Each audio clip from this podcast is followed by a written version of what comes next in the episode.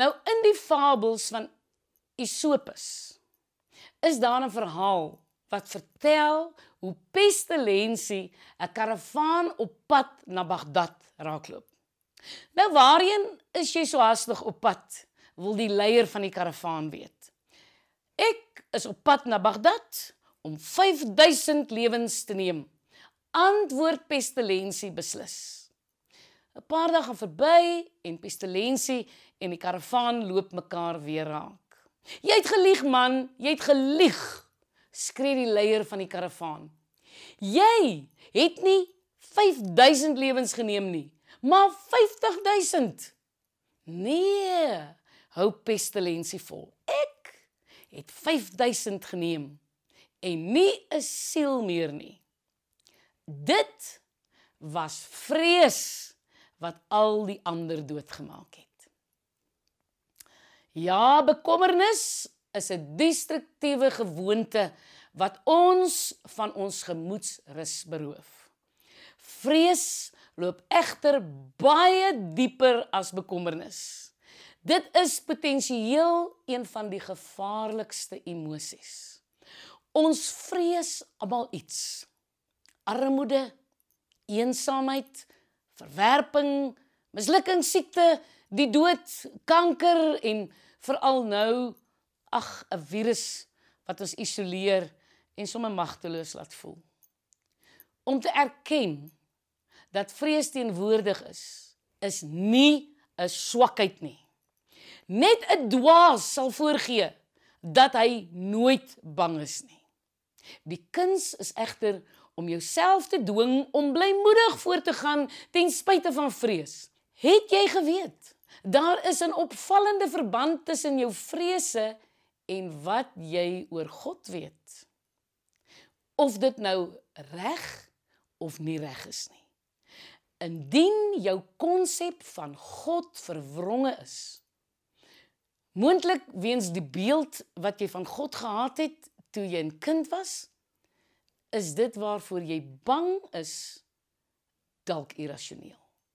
'n Ware begrip van God verander alles. Nou moontlik het dit tyd geword dat jy meer moeite moet doen om God te leer ken, sy ware karakter te ontdek, sodat jou vrese plek kan maak vir sy liefde, vir sy hoop en geloof.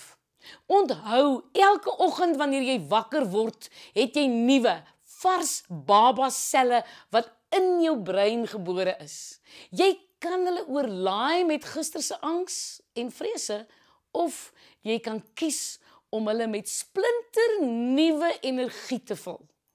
Gebruik dit wys deur jou vrese doelbewus te vervang met God se beloftes van hoop.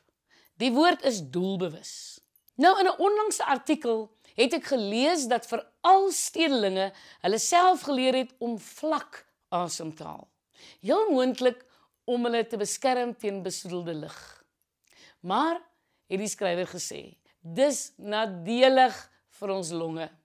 Nie net oefen ons nie ons longe om diep genoeg asem te haal nie, maar ons oefen feitelik glad nie hoe om diep asem te haal nie.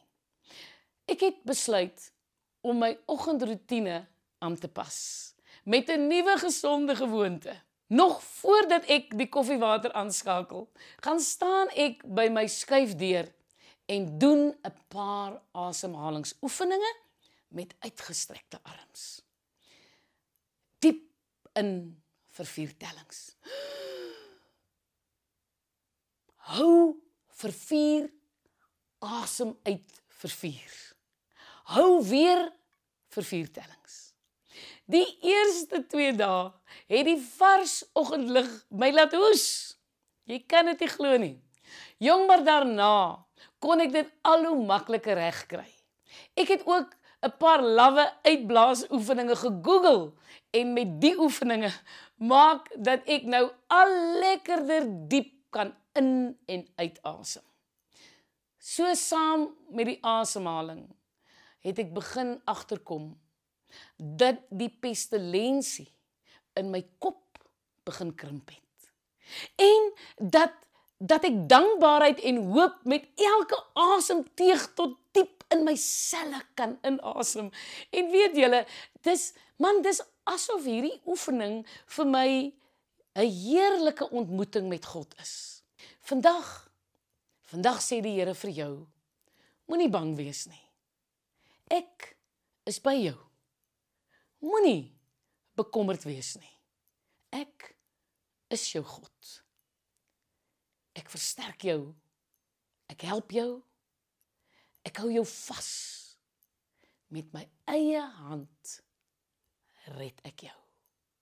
Jesaja 41 vers 10.